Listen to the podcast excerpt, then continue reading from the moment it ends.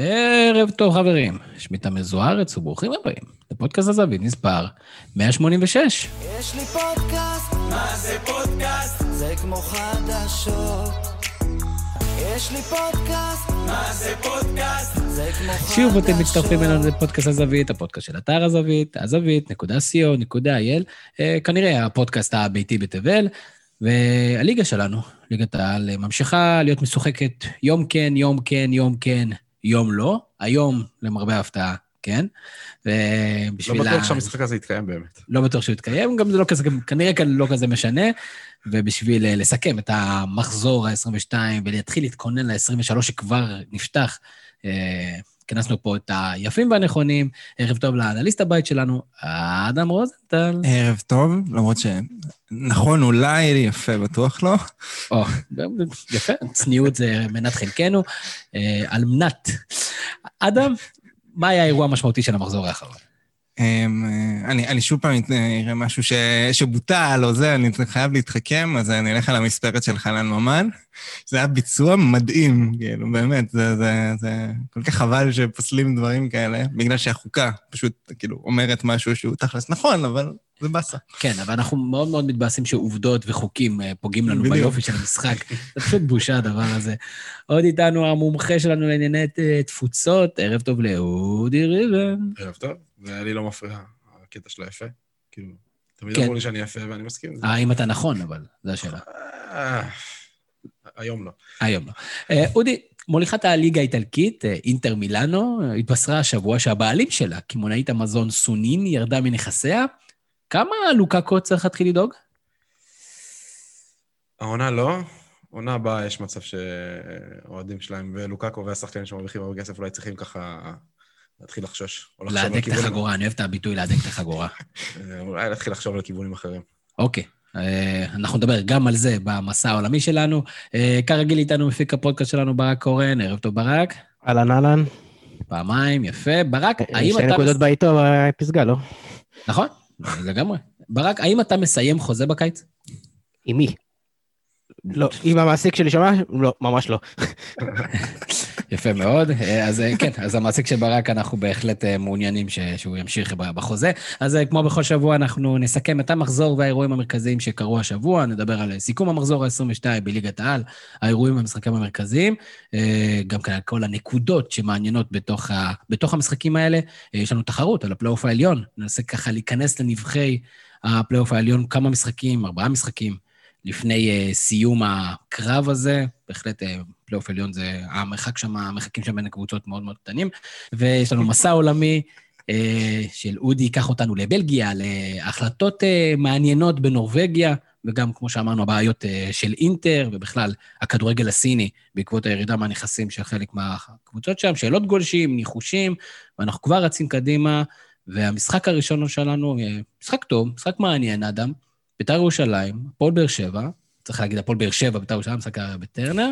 אה, בואו תספר לנו, כי היו הרבה דברים מעניינים. א', מאמן חדש בהפועל באר שבע, ב', בית"ר ירושלים, במשחק שבו אולי הציגה את ה...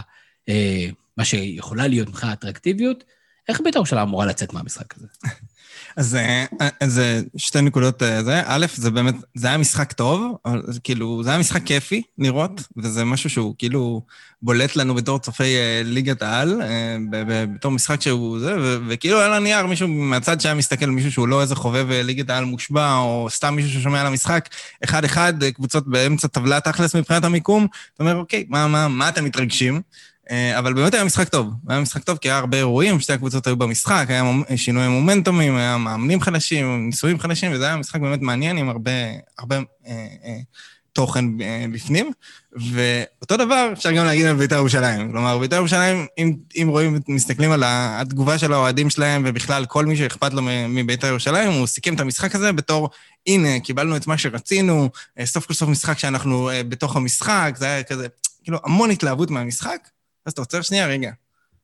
עשיתם אחד-אחד מול באר שבע שהיא יריבה ישירה שלכם על, המק... על המיקום, באר שבע החטיאה פנדל באמצע, החטיאה המון מצבים טובים, זה המשחק שאתם מתלהבים ממנו, ו... ואז חושבים על זה עוד פעם, בביתר ירושלים של העונה הזאתי, שהיא נראית עד כדי כך רע, כן, זה הגיוני שהם היא, היא, היא, היא כל כך ישמחו מזה, ואני חושב שלביתר יש ממה לשמוח, ואני עכשיו ממשיך עם זה, כי ביתר, אה, א', זה פעם, נראה לי אחד המשחקים הראשונים אה, ש, שהיא משחקת לא... אה, לא עוצרת את עצמה בשביל להיראות טוב, כלומר, לא שמה נגיד שלושה קשרים אחוריים, שזה מה שייתן את היציבות, אסור לנו לשחק עם הרבה שחקנים אה, התקפיים בשביל להיראות נורמלי כזה, צריך לשים את כל מי שיודע לעשות הגנה בקישור, ופה זה לא היה, זה היה כאילו רק זרגרי ומוחמד, וכן ארבעה שחקנים אה, התקפיים בהרכב, וזה בכל זאת נראה טוב גם הגנתית בחלק מהמשחק.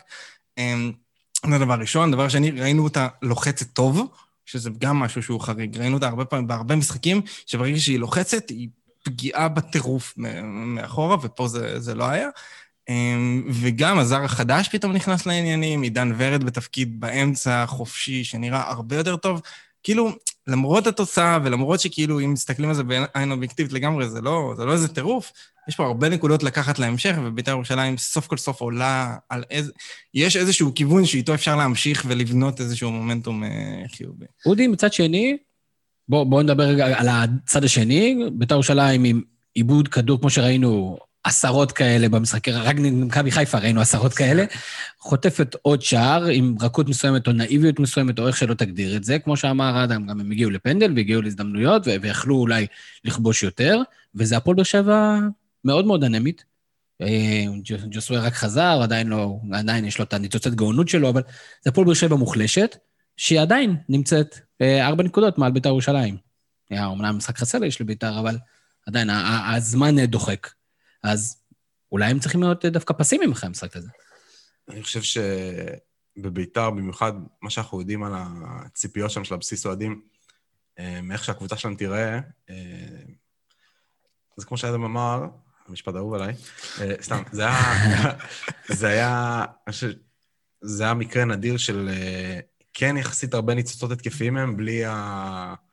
בלי ההפקרות המוחלטת מאחורה. שוב, היא כן הייתה, כי אתה לא יכול אה, להעלים את התחלואות האלה ביום אחד, ואולי בכלל אי אפשר עם הסגל הזה. או קמפוס הוא חור מהגדולים שיש בליגה, באמת. אמ, אבל אה, שיש שני שחקנים, במיוחד מטאוסיניו, גם עלה פתאום, לא נגיד שהוא עשה הרבה, אבל רק לראות אותו משחק. אתה יודע, זה כמו ענייני ניקוליץ' במכבי תל אביב, שאתה שומע... שיום אחד שהוא יעלה על הדשא, אתה כזה, וואו, אתה כזה, הכל יהיה כזה מטורף. אתה שומע על חודשים, שנים, אמור להיות טוב וזה, והוא היה, הוא לא היה רע.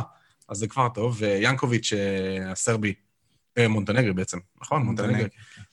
נראה טוב, עשה איזה כמה פעולות ככה ש... שמעלות חיוך, נראה לי, אם אתה אוהד בית"ר. ואני חושב שזו הנקודה. זאת אומרת, אנחנו יכולים לשפוט את זה בתוצאות, אנחנו יכולים לשפוט את זה על, ה... על עיבוד הראש, ו...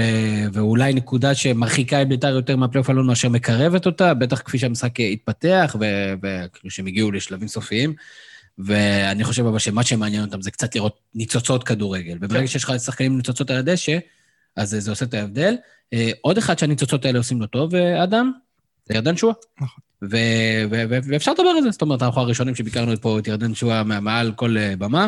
אני לא יודע איך כרגע ההתנהגות שלו, אנחנו גם כן לא כל כך נכנסים לזה, ושמחים שלא צריכים להתעסק בזה, ועדיין הוא עושה את ההבדל כרגע בבית"ר ירושלים.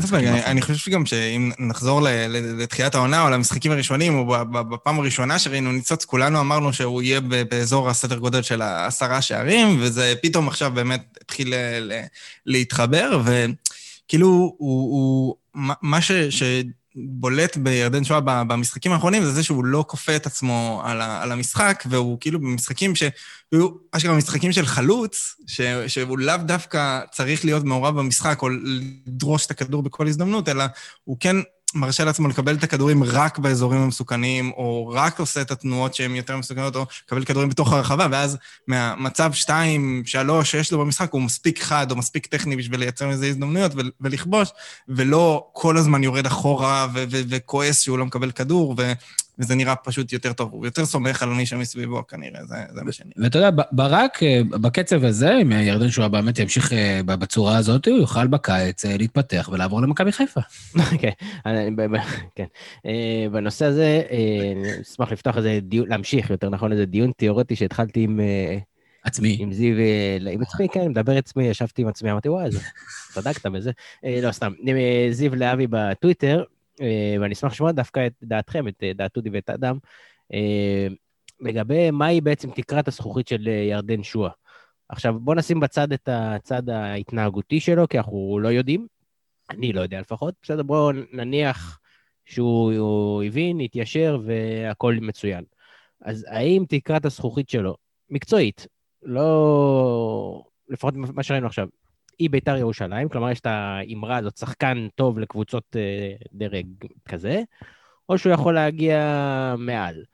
אה, אני טוען שהאפיזודה במכבי חיפה לא צריכה לסמן שום דבר, כי גם הגיל, גם הלקח שהוא למד, וגם כי גדולים ממנו נפלו במכבי חיפה, וזה לא בדיוק מדד למשהו אה, מדויק, במיוחד בנושא מכבי חיפה, שהוא כן עדיין יכול לעשות את המקפצה הזאת ועדיין לא מאוחר בשבילו, והייתי שמח לשמוע מה אתם חושבים.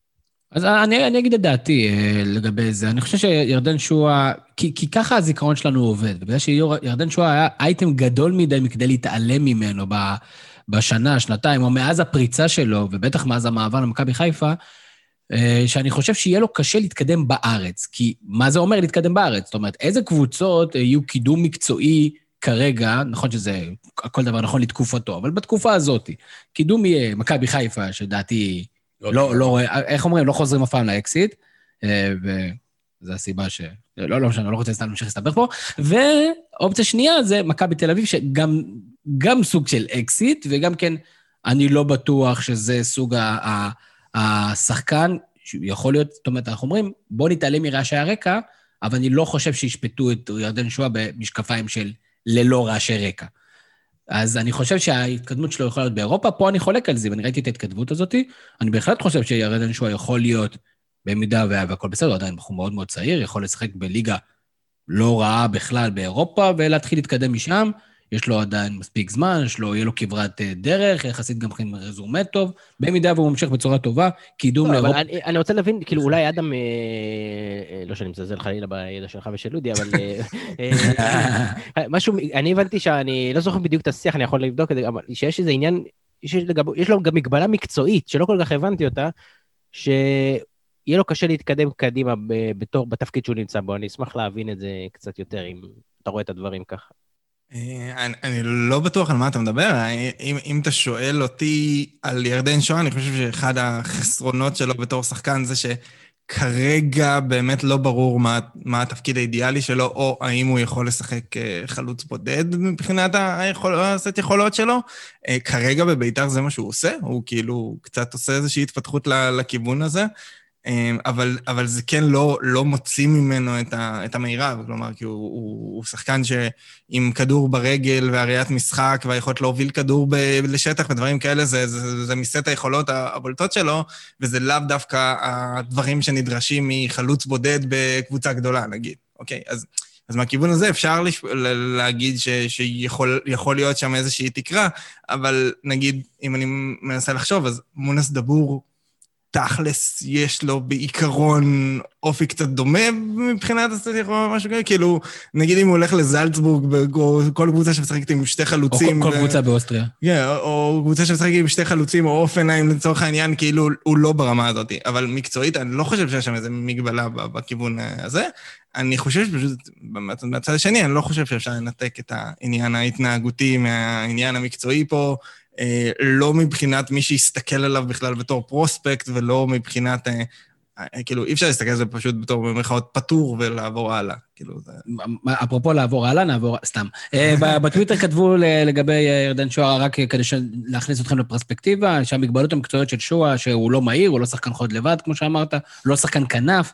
יש לו דריבל, יש לו מסירה ראיית משחק, יש טכניקת שוב, כל הדברים שאמרת, אבל הוא לא אגרסיבי, פחות עקביות, שזה בסדר, חבר'ה, הוא עדיין בחור צעיר. חלוץ שני, מוסר זה תפקיד פחות ופחות פופולרי בשנים האחרונות. אני חושב שעשינו את הדיון אה, ירדן שואה, נסכם את הדיון של בית"ר ירושלים עם אוהד בית"ר ירושלים, ואפילו אוהד בכיר, אה, עוז נקש היקר מפודקאסט בצהוב שחור. אה, והוא לא, הוא, הוא רק אמר פשוט שבאמת, כאילו, סוף סוף הכדורגל, הניצוצות, זה משהו שמאוד מאוד חשוב לאוהדי בית"ר, אנחנו תמיד יודעים שכדורגל יפה. אני יודע שכולם אוהבים להגיד את זה, אוהדי בית"ר ירושלים באמת מאמינים בזה, והיחידים שפיטרו מאמן שהיה מקום ראשון, למרות שהוא... למרות שהוא היה מקום ראשון, בגלל שהוא לא שחק כדורגל יפה, וגם כן ציין שאופיר קריאף ראוי למחמאות, כי בית"ר שם משחק נכון. ללא בלמים אה, טבעיים, ועדיין המשחק ההגנה של בית"ר שלהם היה טוב. הייתי שם שוב בפרו- אה, טוב, זה- בפרספקטיבה. אני רוצה לדבר כמה דקות על הפועל באר שבע. רוני לוי הגיע, אנחנו מכירים את רוני לוי. נכון שאודי, כשאתה חושב רוני לוי ישר כדורגל חיובי, יוצא לך בראש, כאילו, כדורגל שמח. אני, זה מזכיר לי את המשחק הראשון שלו כמאמן בית"ר, שזה היה מול באר שבע, אם אני לא טועה, והיה ציפייה שם שיהיה איזה משחק בונקר מגעיל כזה שזה, וזה התפתח דווקא רן גן. למשחק כזה, לא, נרוץ ל... כן. זה לא דג מור בשנות ה-80 של התקפה של שבע שניות, אבל אה, זה היה קצת יותר פתוח ממה שאתה, מהסטריאוטיפ על אה, רוני לוי. היה מעניין לראות פתאום אה, ורן בצד שמאל, וז'וסווה, אתה יודע, כיף לראות אותו. תמיד כיף לראות אותו, אין ספק, הוא תמיד הסיפור. אה, מה מה טקטית אה, עשה רוני לוי, אדם? כן, אז אמ, אוקיי, קודם כל, הם... באר שבע באמת עם המון חיסורים, ואחד החיסורים המרכזיים ש, שלא שמים לב אליהם אם לא מתעמקים בהפועל באר שבע, העונה זה זה שבררו אה, נפצע במשחק הקודם. לא שמים לב לזה כי שבוע שעבר הוא נפצע. לא, לא שמים לב לזה כי לא שמים לב לתרומה שלו. הוא שחקן נהדר. הוא, הוא, הוא. הוא אחד הקשרים האחוריים, העונה מה- מהטובים בליגה, ובטח מחוץ לשתי קבוצות הבכירות. ו, ובעצם, מה, ש, מה שהיה מעניין זה שרוני לוי, למרות החיסרון שלו, שיחק כביכול עם שלישיית קישור שהיא לא... לא, לא מנסה להגן על זה, כלומר, הוא, הוא, אחד המשחקים שכאילו בהרכבים עם הפועל באר שבע, זה אם ז'וסואה הוא חלק מהשלישיית קישור, כלומר, האם הוא משחק עשר, או האם הוא משחק בתור שחקן אגף שנכנס לאמצע כזה. ובמשחק הזה רוני לוי דווקא בחר לשחק רק עם שני קשרים אה, אחוריים, קלטינס ומלי, וג'וסואה בתור עשר, שזה אומר, כלומר, יותר שחקנים התקפיים, למרות שאין לו את, אה, את בררו. אמ, ושזה כבר החלטה מעניינת, והדבר השני המעניין שהוא עשה, זה שהוא שם את ורן באגף שמאל, ושם את יחזקאל בתור חלוץ אה, מרכזי, שכאילו לפי האופי של השחקנים ואיך שאנחנו מדמיינים מי שחקן אגף ומי אה, חלוץ מרכזי, זה נראה הפוך. נכון. אני אנסה להסביר למה, או מה, מה היה הרציונל מאחורי הדבר הזה. אז א', אמ, זה, זה, הוא עשה משהו מאוד מעניין, זה, זה, זה, מישהו יכול לחזור על זה, הוא עשה משהו מעניין שבלי הכדור הם שיחקו בצורה מסוימת, כלומר, יחזקאל שיחק ממש חלוץ בלי הכדור, וכשהפועל באר שבע הניע כדור בצורה מסודרת ודווקא עשתה התקפות, ודווקא בעיקר בצד שמאל, אז פתאום ורן נכנס לרחבה ויחזקאל ברח שמאלה. אז בלי הכדור, הרעיון שיחזקאל יהיה באמצע, זה פשוט לנצל שטח. כלומר, אה, אה, רוני לוי ראה שביתר בלי הבלמים הטבעיים שלה, ויש שם את אופיר קריאף, וורן הוא לא שחקן שאתה יכול לשלוח אותו לשטח. מצד שני, יש לך את ג'וסואה בקבוצה, ויש לך אה, אה, כלי כל כך משמעותי של שחקן שיודע לרוץ לשטח, שזה יחזקאל, אין סיבה לא לנסות להשתמש בו, והוא לא רצה בעצם שיחזקאל ירדוף אה, אחרי המגן בהגנה, אלא שיישאר לעמוד מול הבלמים, וראינו את זה די מהר, כלומר, דווקא מלי מסר את השתי מסירות האלה ליחזקאל לעומק, שאחד מהם הייתה החמצה אה, די אה, נוראית של, אה, של יחזקאל, אבל עצם זה שהוא הגיע למצבים האלה, ועצם זה שמסרו לו, המחשבה למסור לו את, הדברים, זה היה הרעיון ההתקפי של רוני לוי ביציאה. נכון ששגיב- ששגיב יחזקאל יכל להיות רכש נהדר לקבוצה של יוסי אבוקסיס? זה, זה נכון, אבל הוא, הוא רכש נהדר לכל קבוצה שיש בו את ג'וסואה, או שלומי אזולאי, או שרי, או כל השחקנים האלה שיודעים ל- לשלוח כדורים ל- לעומק. ומצד שני, ראינו גם... גם את הצד השני של הפועל באר שבע מניעה כדור, ועושה את זה דווקא יפה, בעיקר בצד שמאל, שזה לדעתי משהו שהם יצטרכו לעבוד עליו. אה, דווקא טוויטו, שהיה המגן השמאלי, עשה כמה מהלכים יפים התקפיים, ואז הם שלחו, יחזקאל זז שמאלה בתור שחקן אגף כשהניעו כדור הרבה, ורן נכנס לאמצע, ואז הם הגביהו כדור לוורן, וככה היה נגיד ההזדמנות הכי טובה שלהם, שוורן קיבל כדור בתוך הרחבה, וזה זה קונספט ממש מעניין. זה מעניין. כאילו המידה שונה בין ההגנה לבין ה- כשאתה בהתקפה, עם שניהם עם חשיבה התקפית. זה, זה כבר רעיון מעניין, והוא התמודד פה עם הרכב די טלאים של הפועל באר שבע. כלומר, זה בלי אלקואצה, בלי סלליך, בלי הרבה מאוד שחקנים. אמ, ו- ו- והיה משחק, גם מפה אני חושב שבאר שבע יחסית יכולה לצאת אה, מעודדת. היא ייצרה לא מעט הזדמנויות, והשימוש בשחקנים היה טוב, וזה דווקא היה אחד המשחקים הפחות טובים של ז'וסואה העונה. כלומר, ועדיין, היו לו את השתיים, שלוש מסירות המדהימות האלה, והאובר ביטחון הזה בפנדל, זה, זה תופעה לא הגיונית בכלל, השחקן הזה. הוא תופעה לא הגיונית. אה, בואו נדבר שנייה על הפלייאוף העליון, ככה בקצרה. יש לנו בעצם אה, שלוש קבוצות שמאוד מאוד קרובות להבטיח את הפלייאוף העליון. יכול להיות בקונסטלציה מסוימת שאשדוד גם כן אה, אה, תיכנס ככה ותילחץ, אבל הנחת העבודה שלנו שמכבי חיפה, מכבי תל אביב ומ"ס אשדוד הבטיחו את אה, מקומה בפלייאוף העליון, תגידו אם אתם חושבים אחרת. ולאחר מכן, על שלושת המקומות הנוספים, יש לנו את מכבי פתח תקווה, עם משחק חסר, אבל עם שלושה הפסדים בחמשת המשחקים האחרונים. למרות הניצחון במשחק האחרון. יש את הפועל באר שבע, יש את מכבי נתניה, ביתר ירושלים, הפועל חיפה, קריית שמונה. בוא נגיד שחדרה, נגמר הסיפור שלה, אם היא הייתה מנצחת היום, דרך אגב, אז יכול להיות שהיא הייתה מתקרבת, אבל כנראה היא לא שם. אז יש פה עוד שלוש קבוצות, בעצם שש קבוצות שמתחרות על, שלוש, אה, על שלושה מקומות, ואודי, אני רוצה לשמוע, מי לדעתך יהיו הקבוצות שיאתרו את הפלייאוף העליון? ואנחנו רואים כמובן שבמאבק האליפות זה גם חשוב. למי שיש אה, הכי פחות משחקים על מכבי חיפה ומכבי תל אביב בהמשך שלו, זה... אה, יכול להיות שיש לו סיכויים יותר נמוכים, אבל הכל מאוד מאוד צמוד. המקום הרביעי, מכבי פתח תקווה, 32 נקודות. כן, מהמקום התשיעי, משחק חסר. מקום תשיעי, קריית שמונה עם 28, גם משחק חסר. ארבע נקודות. באר שבע היו בפנים. אני... קשה לראות אותם אה, לא נכנסים.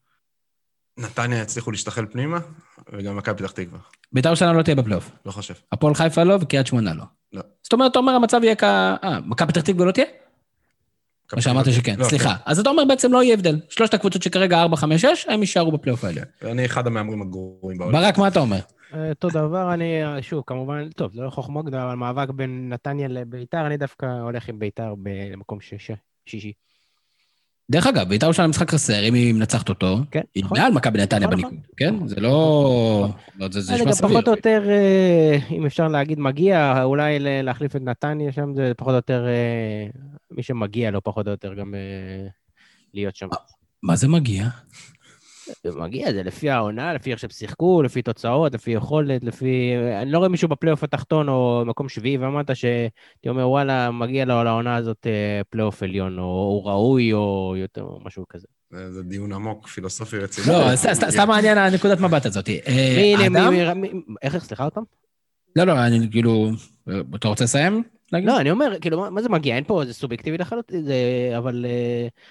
אה, מקבוצות שאתה מחבב, אני מחבב, לתוצאות שהם עשו, ליכולת במגרש, לכיף לראות את המשחקים שלהם. אני חושב שמי שצריך להיות למעלה הוא פחות או יותר למעלה. לא רואה אני מסתכל על קבוצות שלמטה, לא אומר, פספוס שאחת מהן לא בפלייאוף העליון. אני חושב שפספוס לכדורגל הישראלי, אם הפועל חיפה לא תהיה בפלייאוף העליון. אחרי אירועי הדרבי אני לא יכול להסכים איתך.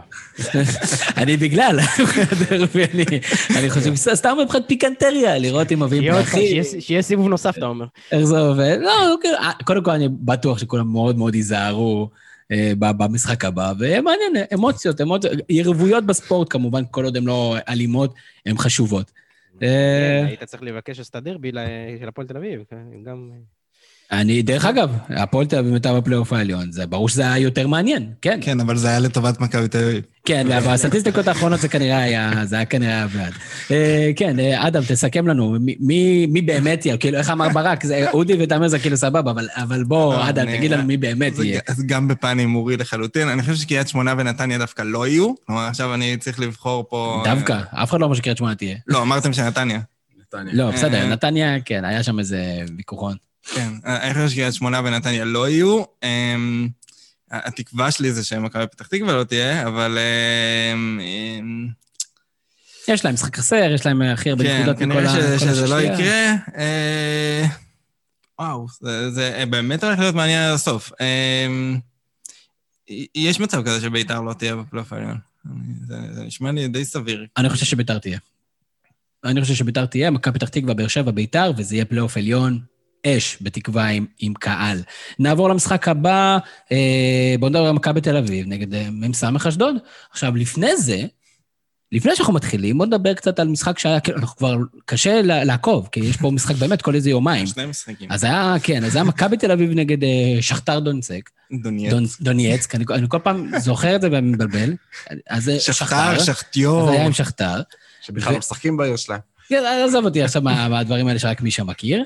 אבל אני שואל, מכבי תל אביב יצאה למשחק, שאין לה מה לשחק בו, עלתה עם הרכב חזק, שיחקה כדורגל טוב, הגיעה למצבים והפסידה. האם מכבי תל אביב צריכה להיות מבסוטית, או שזה הפסד בכבוד כמו שראינו מיליון פעמים מימי ורדר ברמן ואוליבר ריק, ועד אה, ימי אה, שכתר ו... ומנור סולומון. אוקיי, אז אה, אני רוצה לדבר על, כאילו, דווקא על שני המשחקים, לא רק על המשחק השני. אני חושב שגם המשחק הראשון, צריך ל... לא התייחסנו אליו. אמ, אני חושב שהמשחק הראשון, אמ, מכבי תל אביב הגיעה בתוכנית משחק של קבוצה שמודעת לזה שהיא אה, פחות איכותית, אבל היא באה לנסות לתקוף את החולשות וכאילו להיות במשחק. שזה משהו שאנחנו רואים, וזה היה, זה, אנחנו, זה מאוד דומה למשחקים כאלה של, אה, הראשונה שעולה לי לראש זה קריית שמונה, נגד מכבי תל אביב בליגה.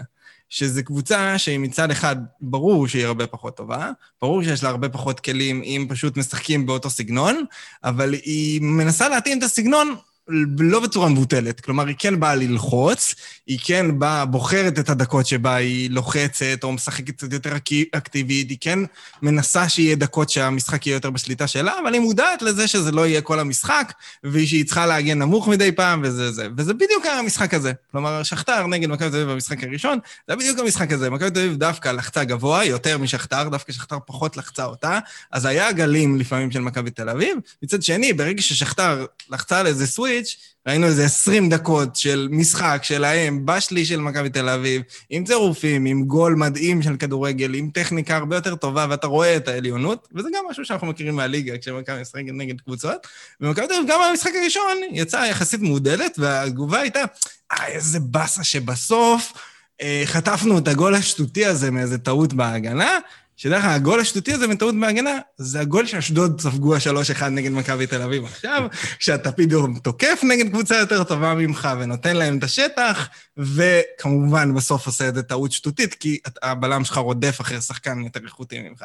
וזה בדיוק זה, זה כאילו, המכבי תל אביב, שימו שנייה, אתם מרוצים, בדיוק ממה שאוהדי אשדוד וקריית שמונה והקבוצות בליגה מרוצים כשהם משחקים נגדכם. מעודדים, נגיד את זה ככה, גם כשהם מפסידים. Hey. וזה לא כזה כבוד. כלומר, אתם עדיין, כאילו, זה, זה כן כבוד, כי אתם באתם עם תוכנית וביצעתם אותה, והיה שם רמות של איכות שהם כאילו הראו שאתם במשחק, אבל אתם עדיין הרבה פחות טובים, ועדיין הקבוצה השנייה באה עם מטרה לנצח את המשחק, לצאת עם התוצאה, והיא עשתה את זה. נכון. בשני המפגשים. נכון, אז אני... אני כן, רוצה להתחבר למה שאדם אמר, כי אה, גם כתבתי על זה, וקצת, כאילו, היה לזה קצת אה, רעש ותגובות. לא, אני מאוד מתחבר למה שאדם אמר, וגם אני רוצה להגיד, שוב, אני, מכבי תל אביב שיחקה מצוין, ואני יכול להבין כל אוהד ואוהד שיצא מרוצה מהמשחק הזה, אה, ואני לא מזלזל בזה, לא ציני אפילו, באמת, כאילו, אני לא מזלזל בזה, ושיחקו אחלה. אבל צריך להבין, שוב, שקבוצות אירופאיות, ואני כתבתי על זה וגם דיברנו על זה כבר כמה פעמים, קבוצות בלבלים האלה, אנחנו תמיד מצפים לבוא ויראו, שידרסו אותנו ויפרקו אותנו, אגב, כמו שטוטנאם עשתה לחיפה, שזו הדוגמה דווקא לא מייצגת. אה, ש... וגם אז ירדו עליה. אבי נימני אמר שהיא לא... שטוטנאם לא כן. במשחק גדול, מובילה 4-1, היא לא במשחק גדול.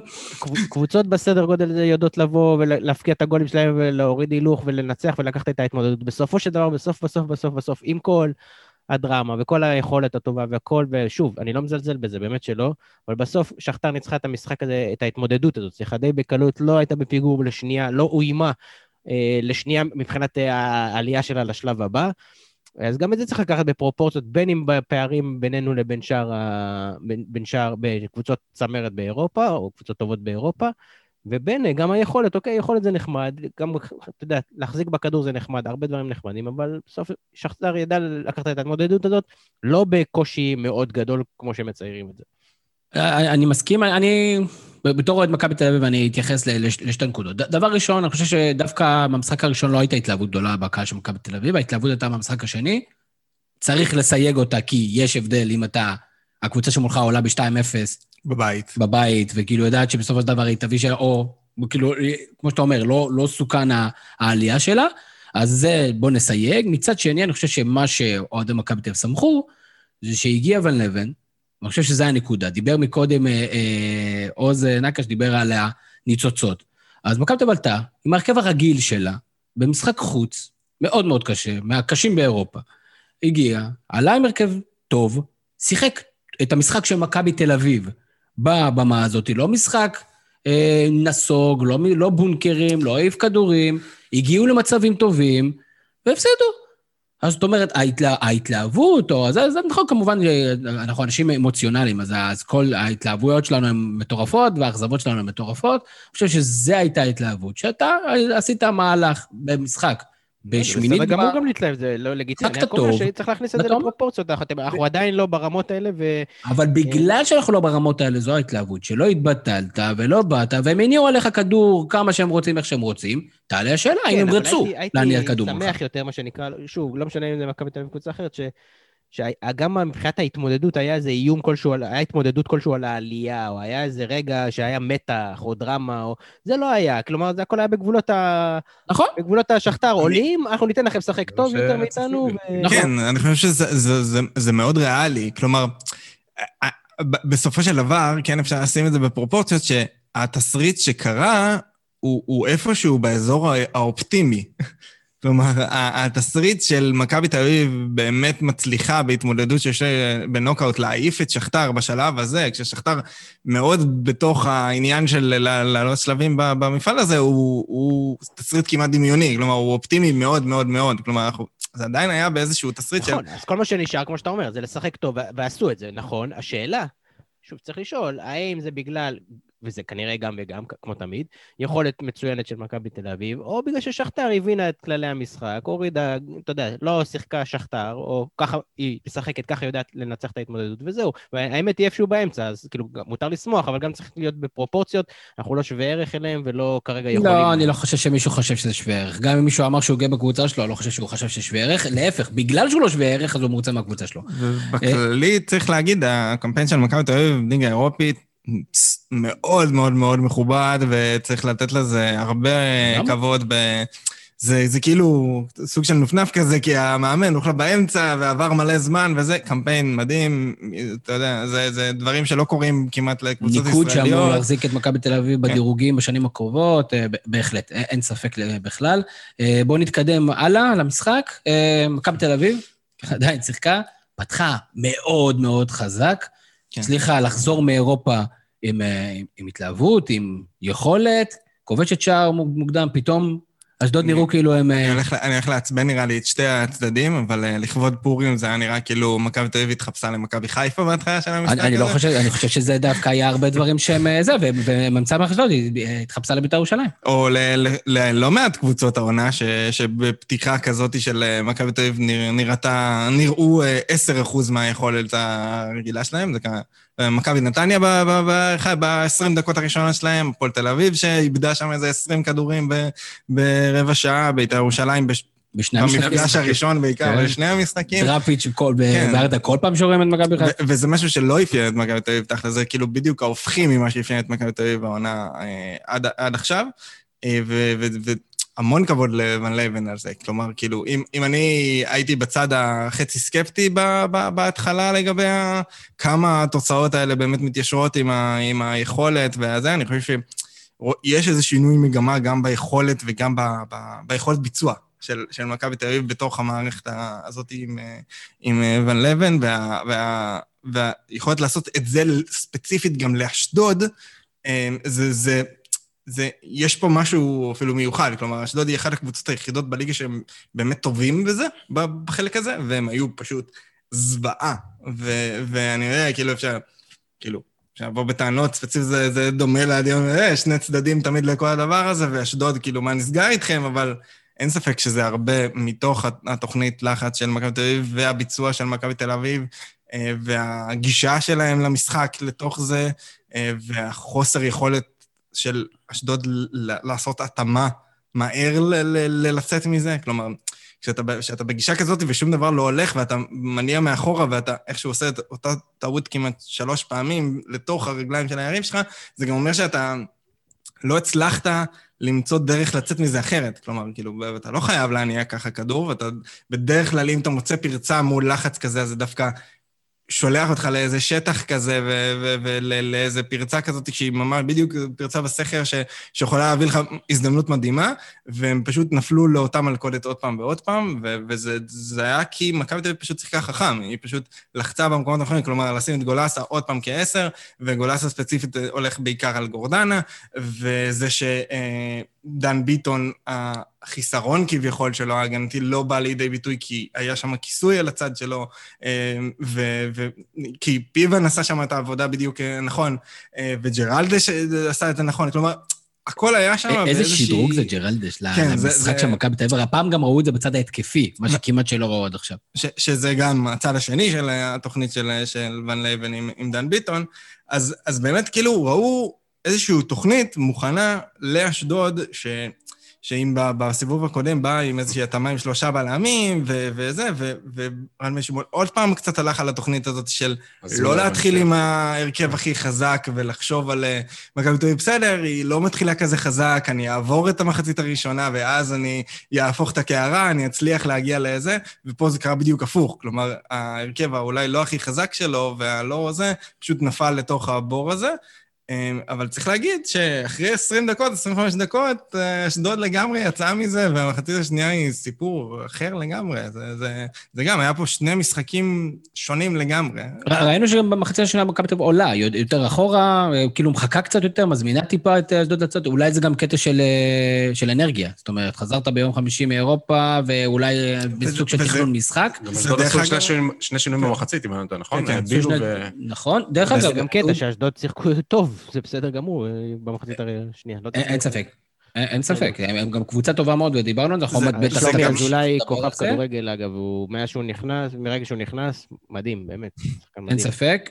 אודי, אז אשדוד מחצית שנייה עולה, משחקת טוב, מתקדמת, מניעה כדור, מה שנקרא, לוחצת את מכבי תל אביב, מגיעה גם לכמה מצבים טובים מאוד, חוטפת השני, חוזרת למשחק, מפסידה 3-1, הפסד בכבוד.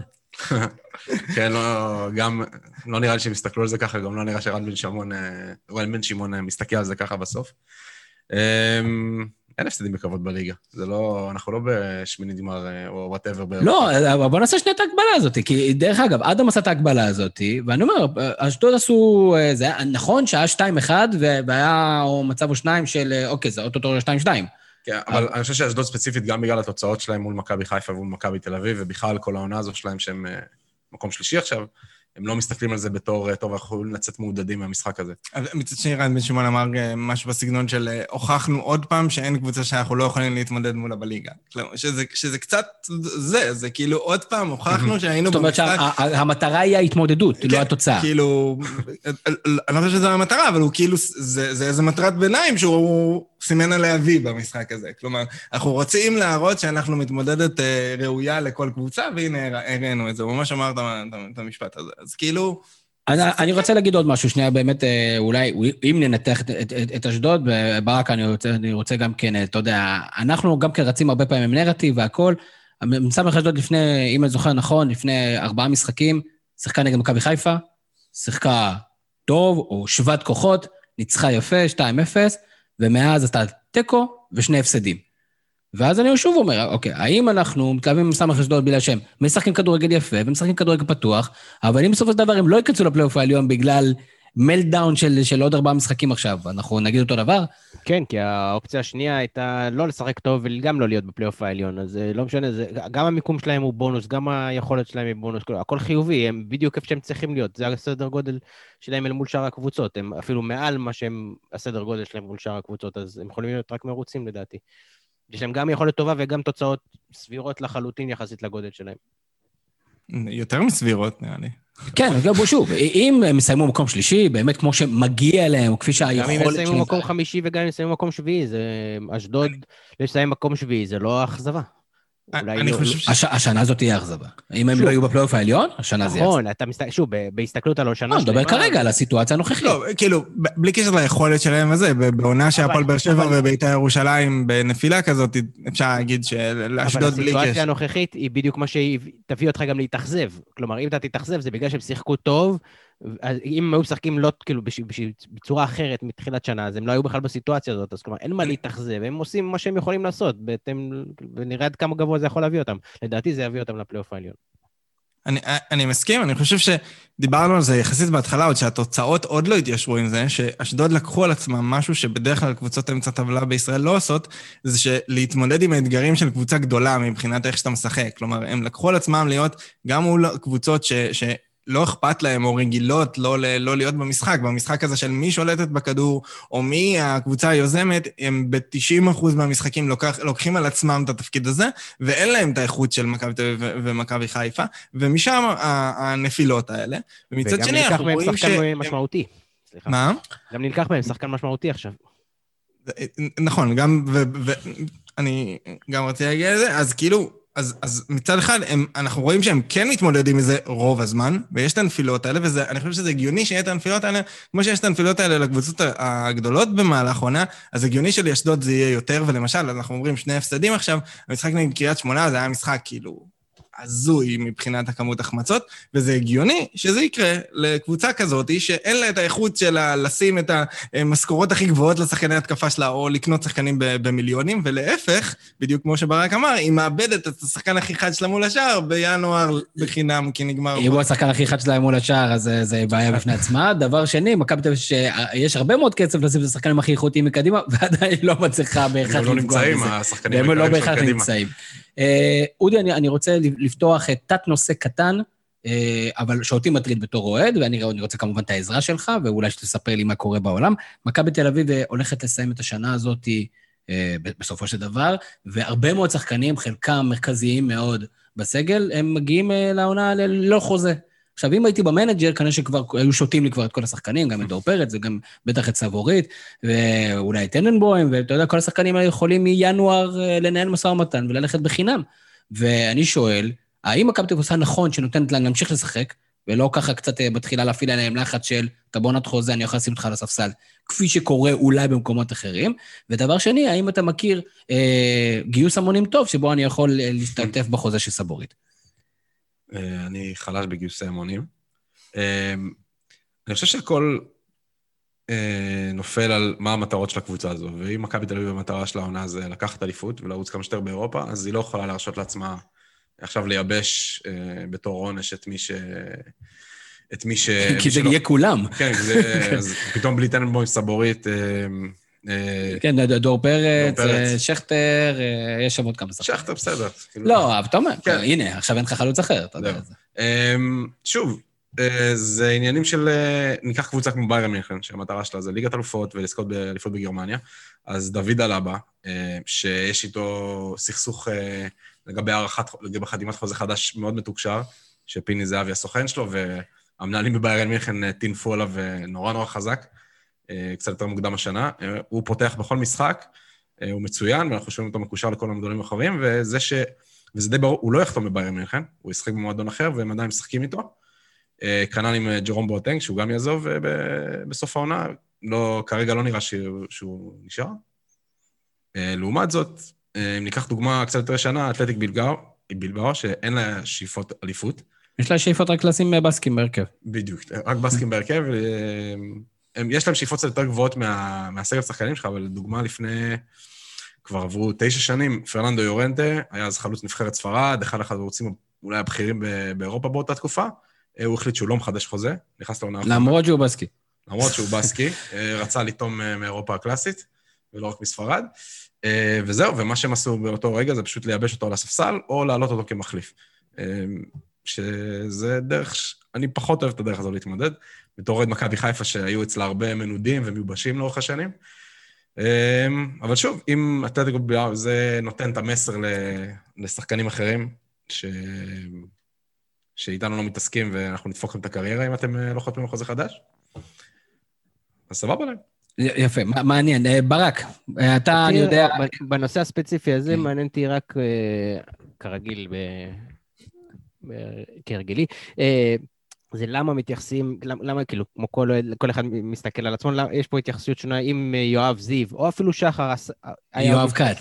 יואב כץ, סליחה, יואב זיו זה היה זורק נעל על מישהו, אבל אה, אם יואב כץ או... ש, אפילו שחר שעשה זה כמה פעמים, שם שחקנים ביציע בגלל שלא אה, חידשו חוזה, אם הם היו מגיעים ל... למצב של שחקנים בלי חוזה, היו קוטלים וגומרים אותם. פה במכבי תל אביב קצת יותר סלחנים בנושא. אפילו שאין מדיניות ברורה, אז אם הייתה מדיניות ברורה שאומרים את מה שאודי אמר, סבבה, זה המדיניות, אין פה מדיניות ברורה, בכלל, במכבי תל אביב זה בכלל גם לא ברור מי מקבל את ההחלטות, שזה גם אולי חלק מהעניין. כאילו, קצת, קצת, קצת סלחנים לגבי הסיטואציה, שבסוף הדבר הזה יכול, גם אם זה ייגמר באליפות, שחקנים מאוד משמעותיים יכולים להיעלם מהקבוצה בלי תמורה, וכלומר זה עובד בשקט בלי מילת ביקורת, שזה קצת אה, מוזר לי. אה, קודם כל, אני חושב שבסופו של דבר יש איזה נרטיב מסוים שהדברים הם כן אה, מסודרים, ושרוב השחקנים שמכבי תרצה יישארו. אה, דור פרץ חתם על חוזה חמש שנים, זאת אומרת, החוזה של חמש שנים... דסה שזה לא נכון, אגב. דסה הוכיח שזה לא נכון בכלל. נכון, אתה, אתה צודק, אבל uh, בסופו של דבר, אז בואו ניקח דוגמא את אלי דסה. אלי דסה שהשיג במכבי תל אביב לא מעט, ובאו וכן הציעו לו הצעות מפליגות כדי שיישאר, והוא פשוט לא רצה, זאת אומרת, אז מה הקבוצה צריכה לעשות? אז היא הביאה שחקן מחליף את קנדיל בעסקה גדולה, כי הם שנה כבר לפני זה, כי הם, כי הם זיהו שזה, שלמרות שיש להם אה, מגן אה, נבחרת, כן צריך שם חלופה. ואני חושב שעשו פחות או יותר מה שהם יכלו לעשות. אה, הוא אמר, אם היו מוצאים לי קודם, אם היו נותנים לו עוד 100 אלף. אתה יודע, הדברים האלה, בסופו של דבר, ברגע שהם הופכים להיות שליפות בסוף תקופה, זה בעייתי. אני חייב להגיד, אני, אם אני דור פרץ, חייב למצות את, את התקופה הזאת. חמש שנים חוזה, שנים אחרונות מצוינות, שנה שעברה קצת פחות טובה, עדיין הוא בשנים נהדרות, הוא בשיא שלו, חייב לצאת. חייב לצאת. עכשיו, יכול להיות... לאן? לא צריך, בלגיה, צרפת, אה, גרמניה, יש לו כוח, יש לו גודל. אני חושב שאפשר, אם הוא בחינם, אין סיבה שהוא לא ילך. יגנוב את המקום של נטע ברוסיה, שחיפה לא בחוץ. עכשיו, אם זה כסף לא, אם זה לא הבדל גדול בכסף והכול, ומבאס אותו ללכת לרוסיה, ואני מבין את זה, יש סיבה שהקבוצות הרוסיות והאוקראיניות מוציאות חוזים כאלה וכספים כאלה, כי וואלה, לא כיף להיות שם. אז אני יכול להבין גם כן מישהו שאומר, סבבה, אני אשאר בחצי מיליון דולר בישראל, טוב לי, לא, אני סבבה, אני לא רוצה לעבור לרוסיה. אני לא רוצה להשתדרג כלכלית, אני בסדר עם פחות כסף להיות בשמש. מבחינת המועדון זה... אגב, גם תסתכל את הוואד במכבי חיפה, אתה רוצה אירופה? שום בעיה, תחתום, תצא. כלומר, הייתי מצפה ש... שגם לאחד כמו דור פרץ יסגרו כבר עכשיו את, את החוזה קדימה, עם אופציה, עם אה, תנאי יציאה מוסכמים על כולם. אבל אני, אני חושב שהשאלה המעניינת היא מה קורה במצב שמכבי תל אביב עשו את הפנייה לדור פרץ בתחילת השנה, רצו שהוא יחדש חוזה, והוא אמר, יותר. אני רוצה למצות את האופציות שלי, וגם עכשיו זה קורה, וכרגע דור פרץ הוא כנראה השחקן הכי טוב במכבי תל אביב העונה, והם באמצע מאבק אליפות, אוקיי, מה? מה, מה האופציות? כאילו, יש איזושהי אופציה חוץ לא... מלהמשיך לשחק איתו? כאילו, זה... בגלל זה אני אומר שהסיטואציה היא כאילו עוברת חסרת ביקורת, אבל אני לא חושב שזו סיטואציה בריאה. כלומר, אלא מכבי תל אביב בגישה שלא משנה מי יבוא, מי ילך, אני תמיד אוכל להביא את השחקן השני הכי טוב אחריו אלינו למועדון, ואז כאילו לא אכפת לנו בכלל. אני חושב שספציפית במכבי תל אביב הגישה היא אפילו שאנחנו נגדל שחקן שיהיה מספיק טוב בשביל... נגדל? הוא משחק כרגע בהפועל חיפה. או בביתר תל אביב. ודרך אגב, בחיבור של יורנטה, יש לנו עכשיו בליגה מקרה דומה, במכבי פתח תקווה טאי בריבו בשנת חוזה, והוא לא משחק את הזמן שהוא אמור לשחק, וזה בדיוק הדיון הזה של... האם הקבוצה תחרותית וכמה היא זה, ועכשיו בדיוק במאבק על הפלייאוף העליון הוא פתאום משחק יותר. זה, זה בדיוק ה... דוגמה נהדרת. אני, אני רק אגיד שלפי הפרסומים, דן גלזר, שמסיים את החוזה בשנה הבאה, מנהלים איתו כרגע משא ומתן להארכת חוזה ארוכת טווח, אז אולי או מישהו למד, או שפשוט אנחנו לא מודעים. זה לא חייב להגביל את היציאה לאירופה, גם אם, שוב, אפשר נכון. לעשות כמו, כמו הוואד, יש פתרונות להכל. משהו, כאילו, לא יודע, מרגיש לי קצת לא, כאילו, לא בריא. כלומר, שנותנים לחוזים האלה להיגמר, אלא שוב, אם זה במודע, אני פשוט לא בטוח שזה במודע, אני פשוט חסר שם את הפונקציה לדעתי, כן, אני שוב, אני לא, כל מי המתבונן מהצד בלי להיות בפרטים, כאילו חסר את הפונקציה ששמה לב לדברים האלה, לדעתי. אני חושב שסביר מאוד מה שאתה אומר. אני רק אסכם ואומר, יכול להיות שבקיץ האחרון המתינו עם חידושי חוזים כאלה, רק כדי להבין לאן הקורונה הולכת ומה אפשר בכלל להציע לשחקנים, וברגע שאירופה התחילה, אז גם דור פרץ בעצמו אמר, רגע, בוא נסיים אירופה, יכול להיות שאני אגיע לעוד מקרני טלוויזיה של אחרים. והוא היה טוב מאוד במשחקים האלה. נעבור הלאה, מכבי חיפה קריית שמונה, מכבי חיפה צולחת אה, עוד קבוצת קורונה, בצורה יפה, נקלט לפיגור ומנצחת, ואודי, ספר לי, איך המשחקים, אתה רואה את הפיגור דקה שביעית, ופתאום פלניץ'. אני חושב ב- לא, לא, מעט, לא מעט מהפעמים שדיברנו השנה על... אה, שיש תחושה כזו של ביטחון. אני חושב שזה מה שהורגש מהקבוצה. עזוב אחרי שהשוער הורחק וכבר המשחק היה די גמור, אה, נקרא לזה מבחינה ספורטיבית, לא הייתה פאניקה מזה שהשער, ולא היה כאילו פתאום מחשבות, כאילו אתה, אתה יכול לצפות אולי מהשחקנים, טוב, קריית שמונה עולה ליתרון, ואז אתה יכול לחשוב אולי שחקנים, אוי, תופסים את הראש, רגע, עכשיו מכבי תל אביב יכולים לעבור אותנו ודברים כאלה. אמ, יצאנו להתקפה שתיים, כדור נייח, שזה הדבר היחיד שאצילי בערך עושה כרגע, וזהו, וכל הכביכול בעיה שקריית שמונה יצרה נעלמה, וזהו, ופה, ודי פה נגמר המשחק, כי לא, לא היה שום סיכון אחר כך. אמ, פשוט הרבה ביטחון והרבה רוגע כרגע, זה נראה שיש לקבוצה.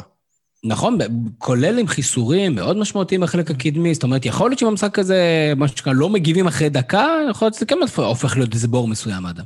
כן, הם היו חמישה מהשחקנים ש... שהיו ברצף בעצם לא שיחקו, שזה שני המגנים והשלישייה הקדמית, שהשלישייה הקדמית היא כאילו החלק הכי אה, איכותי בקבוצה, כביכול. אמ, ו... וכן, כאילו היה פה איזשהו משהו קבוצני, אני חושב שזה... זה מתחבר למה שדיברנו שב... בפעם שעברה על האיכות של השלישייה שלהם, שזה משהו שדווקא פחות קיבלנו ממכבי חיפה, נגיד בעונה שעברה. אני חושב שפה האיכות של השלישיית אמצע ממש באה לידי ביטוי. כלומר, היכולת של דווקא השלישייה הזאת, כאילו, של רודריגז, נטע ואבו פאני, ודווקא עם נטע באזורים יותר קדמיים, ואבו פאני בהצטרפות מקו שני שלו, אה, במשחק הזה היו גורם מאוד מאוד משמעותי. אה, וזו בקבוצה שכאילו, זה היה הזמן שלהם להתעלות ולתת את המספרים, כי הם באמת לא נתנו את המספרים עד עכשיו, כאילו, אופנו היה להם, היה לו איזה 36 איומים לשער בעונה עד המשחק הזה, ופה היה לו איזה שני איומים עם אפס גולים, ופה שני איומים, שני, שני שערים, כלומר, בדיוק הפוך, אבל בכללי, כאילו, גם רואים את נטע הרבה יותר מעורב, נטע בדיוק כאילו, עם משחקים כאלה, עם אצילי על התפקיד שלו בכלל, ולא באמצע, הוא ממש אה, מצטרף המון ועושה תנועות לאגף ביחד, שילובים עם מבוקה פתאום ודברים כאלה. כלומר, שזה בא מזה שרודריגז משחרר אותו לשם, אה, וה, והשילוב של אבו פאני עם, עם השלישייה הקדמית. כלומר, השלישיית אמצע שלהם, מתוך זה שהם עשו תפקיד אחר, עד עכשיו הם דווקא התעלו מתי שהיה צריך אותם ל- ל- לחלק הקדמי, וזה מה שמכבי חיפה יכולה לקחת מה- מהמשחק הזה, כי דווקא השלישייה הקדמית, חוץ מדוניו, כאילו, אי אפשר, כאילו, אי אפשר להגיד שווילדסחוט או אצילי אה, קנו פה איזה, איזה, או טוואטחה לצורך העניין. אה, אני רוצה להתחבר בדיוק למה שאדם אומר. אה, מי שהציל אותנו, כלומר שזה נכון, יכולת והכול, וזה אולי אפילו קצת דומה לימיו במכבי תל אביב, אבל בסוף, בסוף, בסוף, כשאתה מסתכל על זה, להציל לי זה בישול שלישי כבר. כלומר, אה, והוא נתן שם כדור לפלניץ' שאני לא בטוח שלפני אצילי מישהו היה נותן אולי שרי. אה, וגם אה, וילצרוט סיים עם בישול. כלומר, גם השחקנים שכביכול לא משחקים טוב, לא כביכול, הם לא משחקים טוב, אבל הם נותנים את המספרים. אצילי בזמן קצר בישול שלישי שוב, וזה שהוא לא משחק טוב. אז זה הרבה סיבות לאופטימיות, ופתאום גם אבו פאני מפקיע. כלומר, הסגל שחשבנו שהוא יהיה העקב אכילס של הקבוצה, שהוא ממש לא עמוק, והוא על, על, על הנייר נראה מול הסגל של מכבי תל אביב בעייתי מאוד, ספג חבטה קשה מאוד מבחינת אה, פציעות וקורונות וזה, והוא עומד איתן בינתיים, מצליח להוציא את התוצאות, שאני אישית, אגב, לא האמנתי שיקרה. אה, אם זה דוניו, אם זה פתאום אבו פאני שמרים את הרמה, אם זה פלניץ' שפתאום מגיע ונותן גול, כלומר, אלה הסיבות לאופטימיות, שאנחנו מחזיקים, לא רק שמחזיקים מעמד, אלא ממשיכים את היכולת שהייתה מלפני זה, אה, וזה מצוין.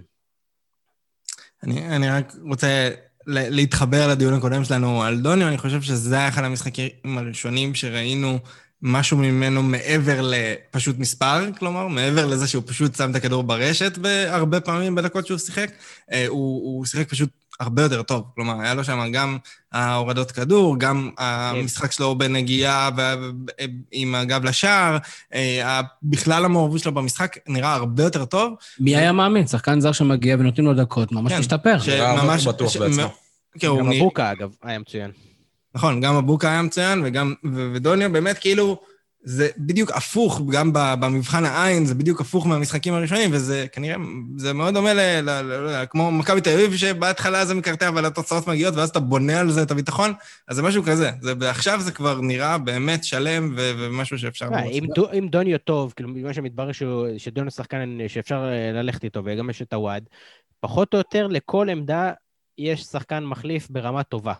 חוץ אה, מבקישור, אלא אם כן, כאילו, כאילו, מאור מאור לוי. אני לא חושב שהוכיח ש- שהוא ברמה עדיין. לא, אה, כן, אבל, אבל עכשיו, אה, כן, יש עוד, יש לך שם עוד את אה, אשכנזי ועוד כל מיני כאלה שלא משחקים, אבל... אז היא השנה לא דומה לשום דבר. בסדר, אבל הוא שחקן סגל אה, טוב, כמעט אבל דרך בכל אגב... עמדה יש לך שחקן שאתה יכול לזרוק, או לשחק עם הסגל, או לשחק קצת, לה- להעביר שחקנים תפקידים. מה, כמעט גם בכל בשער? גם מה?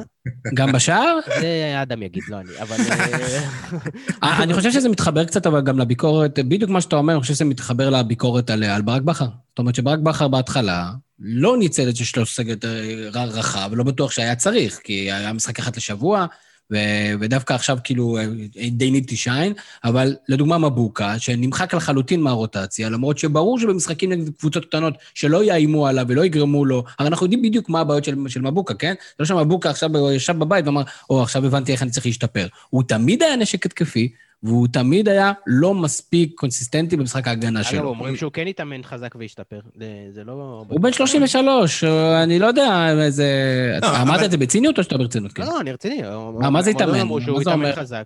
אז מה, 30 שנה הוא לא התאמן, ועכשיו בחודשיים האחרונים לא, בקורונה? מה זאת אומרת? כמו ששחקני מכבי תל אביב, שלא שיחקו, ואמר להם מתאמנים, או שהם לא היו מספיק טובים באימונים, או שלא הגיע להם, או שהמאמן לא חושב שזה הזמן הנכון. כנ"ל מכבי חיפה, יכול להיות... בא ברק בכר, הכל עבד, הכל המ- המחליף לא שיחק טוב, כאילו לא היה סיבה להכניס אותו. אתה חושב שהמשחקים האחרונים...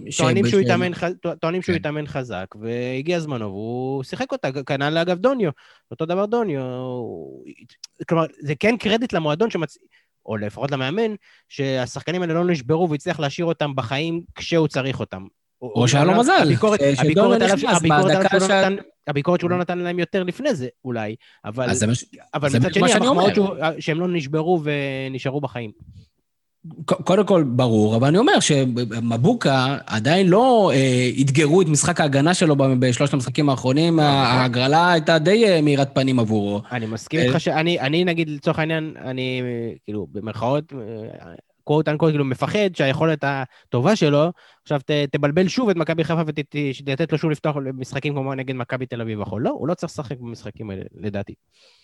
גם אם הוא יתאמן חזק? גם אם הוא יתאמן מאוד חזק, הוא, והוא איש חזק, אגב. הוא איש מאוד מאוד חזק, והוא גם נשק התקפי נהדר, תמיד היה.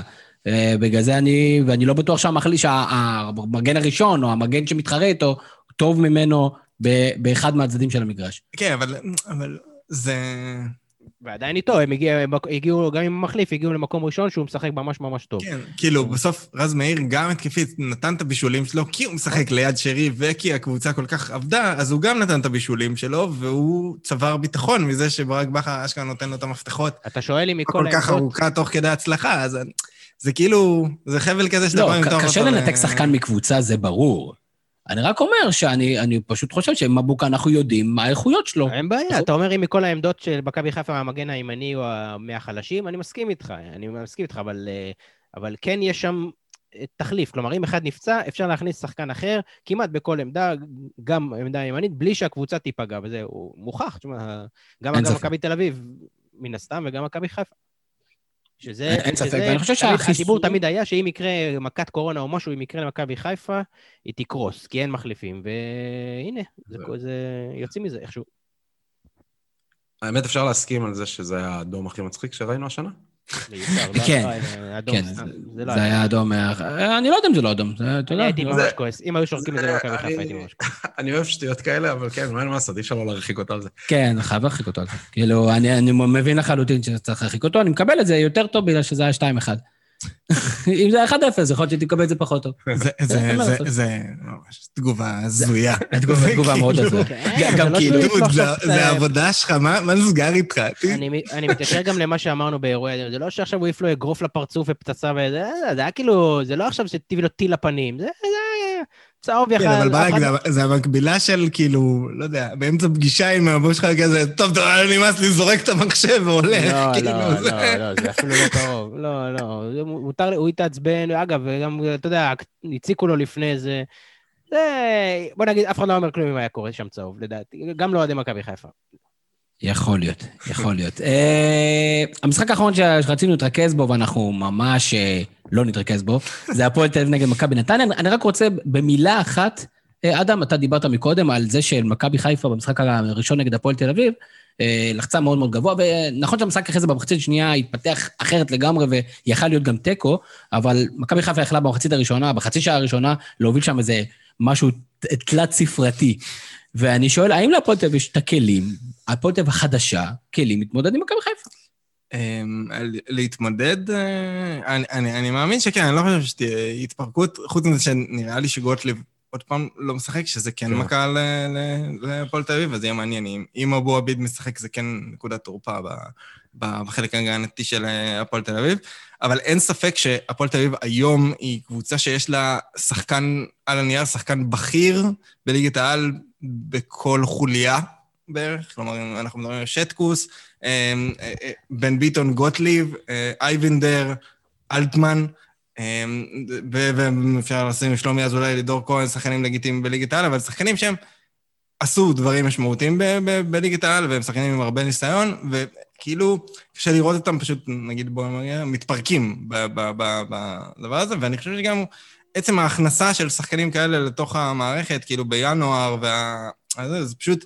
הפך את הקבוצה לקבוצת כדורגל פשוט יותר טובה. כלומר, פשוט מרקם של שחקנים שהם עם הרבה יותר קילומטראז' והרבה יותר אה, יכולת, כאילו, מוכח, מוכחת, שהם לא צריכים להוכיח את עצמם, אלא הם באים עם, ה, עם הקאדר, הקאדר הזה. אני. חושב שגם חלק מהשחקנים האלה, הם ידועים לשמצה על ידי קבוצות גדולות או משהו כזה, אבל הם לחלוטין, כמו שאמרת, שחקנים מאוד לגיטימיים בליגת העל.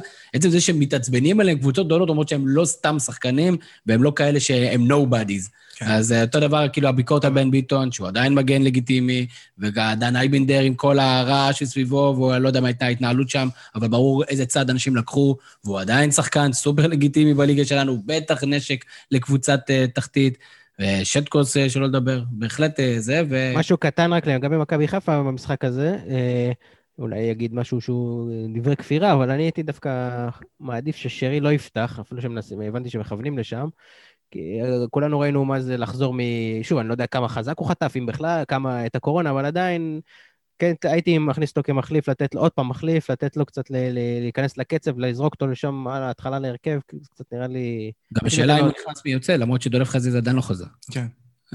רצית לסכם, אה, כן, אדם? כן, רק שהיה אחד מעניין לגבי הזה, קלינגר עד עכשיו, מאז שהוא קיבל את כל הכלים האלה, הוא שינה מערך, בעצם אנחנו הרבה פעמים מדברים על שלישיית קישור, מי העשר, מי השחקן היותר התקפי, אז הם די הפכו שם את, את הקישור, ואלטמן בעצם משחק חלק מהקישור, הוא משחק שם עשר בתקופה הזאת, מאז שהגיעו כל הכלים התקיפיים, וזה מעניין אם נגד מכבי חיפה הוא יחזור כביכול לגישה האחרת, שאלטמן הוא חלק מהשלישייה הקדמית, אה, בשביל להתמודד עם הקישור של, של מכבי חיפה, כי אם הוא לא יעשה את זה, זה יכול להיות קצת מתכון לאסון לעלות רק עם שני קשרי אמצע מול מכבי חיפה. אני מסכים, מאור דהן היקר אה, דיבר על זה שכמות שחקני הבית של מכבי חיפה, נגיד קריית שמונה, אה, הייתה חריגה לליגה, ואני חושב שלא בדקנו את זה, ואפשר אולי להסתכל על זה, אני חושב שבליגה שמכבי פתח תקווה ומכבי תל אביב משחקות, יש הרבה, זאת אומרת, ואשדוד, יש הרבה מאוד שחקני אה, בית, שזה מבורך. לא, כן, אבל אני מדבר על מכבי תל אביב, מכבי חיפה לא, ממש לא נופלת מהם בקטע הזה, במיוחד בשנתיים האחרונות. לא בטוח, אפשר להסתכל על המספרים. אני חושב שדווקא בשנתיים האחרונות, מאז הפרפליי, מכבי תל אביב... הם מקבלים יותר דגש על זה, כי זה חדש במכבי תל אביב, וזה כאילו, זה שינוי גישה, בוכו. אבל מכבי חיפה כבר כמה שנים מתבססת על שחקני בית, ובמשחקים האחרונים באופן ממש משמעותי. אה, אפשר להסתכל על זה, אני חושב שכל השחקנים, אם, אה, בוא נגיד, צריך לשאול את השאלה הזאת בעולם ללא חמישה חילופים. או ללא שכל כך הרבה שחקנים חסרים בגלל סיבות כאלה ואחרות, אלא באמת מי שחקנים לגיטימיים, אפשר לעשות את הבדיקה הזאת. תסתכל על ההרכב, מי עופרי ארד, סן מנחם, אה, אבו פאני, נטע לוי. סן מנחם הוא לא שחקן בית של מכבי חיפה. נכון. בסדר, אני הפכתי אותו, מה אתה עכשיו? כן, מבוקה.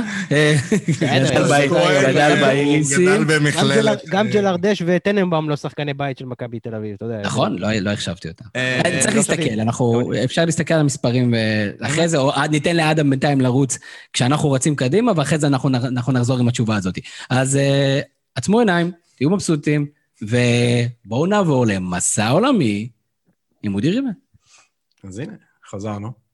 ונתחיל עם אה, בלגיה, אה, הליגה והקיזוז. אז... אה, וואו, יש שם עדיין קיזוז, אה? יש שם עדיין קיזוז, הוא רץ כבר יותר מעשור, לא ויתרו עליו כמו אצלנו. לאור הוואקום שנוצר עם הירידה של אנדרלכט בשנים האחרונות, אז הקבוצה שיחסית השתלטה על הליגה זה קלאב ברוז'. עם רפאלוב, בלי רפאלוב, והם כרגע מובילים את הליגה עם, בפער של 15 נקודות, כשיש להם שני משחקים חסרים לעומת כל השאר. מה שאומר שהשנה, השנה, מה שעשו בבלגיה, הגדילו את הליגה ל-18 קבוצות, והקטינו את הפלייאוף העליון. זה אומר שיהיו רק ארבע קבוצות בפלייאוף העליון. מה זה? זה פיינל פור. כן, זה ממחוזות הכדורסל הדבר הזה. הם החליטו לקצר את זה בעקבות שמעון מזרחי שם הקורונה. הוא היושב ראש, מה קורה שם? כן, לא, אז אז מה נותן שם, מה נותן הקיזוז בעצם? כדי שלא יהיה פלייאוף של אה, עשרה משחקים, אלא שישה משחקים. אוקיי. אה, לא, אבל אני אומר, הקיזוז, כאילו, גם כשיש קיזוז, אז יש כמות משחקים מאוד קטנה כדי לצמצם פערים, הרי אז אז אה, מה בסדר, הסיפור? אז הפעם, אה, יכול להיות שקלאב ברוז' אה, ככה, כמו דינמו זאגרב, בוחשים בעניינים, לא סתם. אה, יצא להם טוב עם השנה הזו. אה, גם קבוצה ששלוש שנים האחרונות משחקות בבתים של ליגת אלופות. גם ראינו אותם עושים דברים יפים. בכל מקרה, הם מובילים על אה, אנטוורפ של אה, ליאור רפאלוב ב-15 נקודות. אה, ואם נגיד יהיה קיזוז, כרגע לא נראה לי שיהיה פה מצב. דרך אגב, זה. בדיוק המקרים הקלאסיים של הקיזוז בבלגיה, שיש איזה 15 הפרש, ואז זה מקוזז ויש לך עשרה משחקים, ותמיד הקבוצה שכאילו במקום שאני זוכר שזה מה שקרה ללוזון. זה- וזה- ואז גיא לוזון נכון? הפסיד אליפות. ואז גיא לוזון מגיע למכבי תל היה אביב. גם את אה, ש- זולטה ורחם פעם אחת. אני חייב לציין שבתור אוהד מכבי חיפה והמפיק של הפודקאסט, המילה קיזוז... אה, אה, כזה, כזה, חושב צריך לעשות-. רעשנים. מיצינו אותה לפרק אחד. יפה מאוד. אז זה- בבלגיה, אז רגע, אז זהו, זה סגור? כאילו קלאב ברוז' הולך לזכות? קשה לראות אותם אה, מפילים את זה, אה, באמת, למרות הקיזוז. למרות הקיזוז. יפה מאוד. אה, משם, מבלגיה, אנחנו מבלגיה קצת צפ- צפונה? צפונה, לנורבגיה. אה, יצא שבוע דוח של הגרדיאן לגבי אה, ההכנות למונדיאל בקטר, שקורה עוד שנה וחצי בערך. שזה מטורף, כי עדיין לא היה יורו. עדיין לא היה יורו ואולימפיאדה שיש לנו בדרך. אה, בכל מקרה, עד עכשיו מתו בערך 6,500 עובדים זרים, עבדים במרכאות, או לא במרכאות, אה, אה, בהכנות למונדיאל הזה. 6,500 איש. ככה לפי הערכות, אתה יודע. איזה מטורף. ובנורבגיה, אה, ארבעה מועדונים בינתיים, טרומסו, אה, ויקינג, אה, עוד, whatever. יש קבוצה שקוראים גם ויקינג? כן. באמת? כן. איזה קלישאתי. לא היו קוראים שם. אז הם פנו להתאחדות הנורבגית, והם ביקשו שההתאחדות הנורבגית תחרים את המונדיאל, אם וכאשר נורבגיה תעפיל עליו. מוקדמות המונדיאל מתחילות ממש בקרוב, ונורבגיה בבית שמצפים מהם לסיים מקום שני, אחרי הולנד. אה, כרגע ההתאחדות הנורבגית, מה שהראש שלה אמר, אנחנו לא הולכים להחרים בגלל שאנחנו קטנים מדי ואף אחד לא ילך איתנו, אבל אנחנו כן ניסה, ננסה לייצר דיאלוג עם הקטרים כדי שישפרו את תנאי, אה, את זכויות האדם וכדומה וכדומה. וואו, אפילו לישראלים זה נשמע דיפלומטי זה- בהגזמה. זה מעניין לראות, כי הדבר הזה בא, מ, בא מקבוצות אוהדים שדחפו את המועדונים לפעול, ומעניין יהיה לראות אם זה יתפוס תאוצה במקומות אחרים באירופה שינסו ללחוץ על ההתאחדויות. הייתי אומר שאין שום סיכוי, אבל אתה יודע, דווקא בעולם המטורף שאנחנו מסתובבים בו, דברים כאלה פתאום יכולים לקרות. אה, לא יודע איך זה ישפיע ועל מה זה יעשה, אבל אה, מעניין מאוד. והתחלנו, פתחנו על זה בפתיחת השאלה לגבי מה קורה בכדורגל הסיני, אז בוא תאיר את עינינו, כי מאז שערן זהבי לא שם, וואלה, לא מעניין אותנו כדורגל. יכול להיות שבגלל שהוא עזב, אה, קורה מה שקורה שם. כנראה.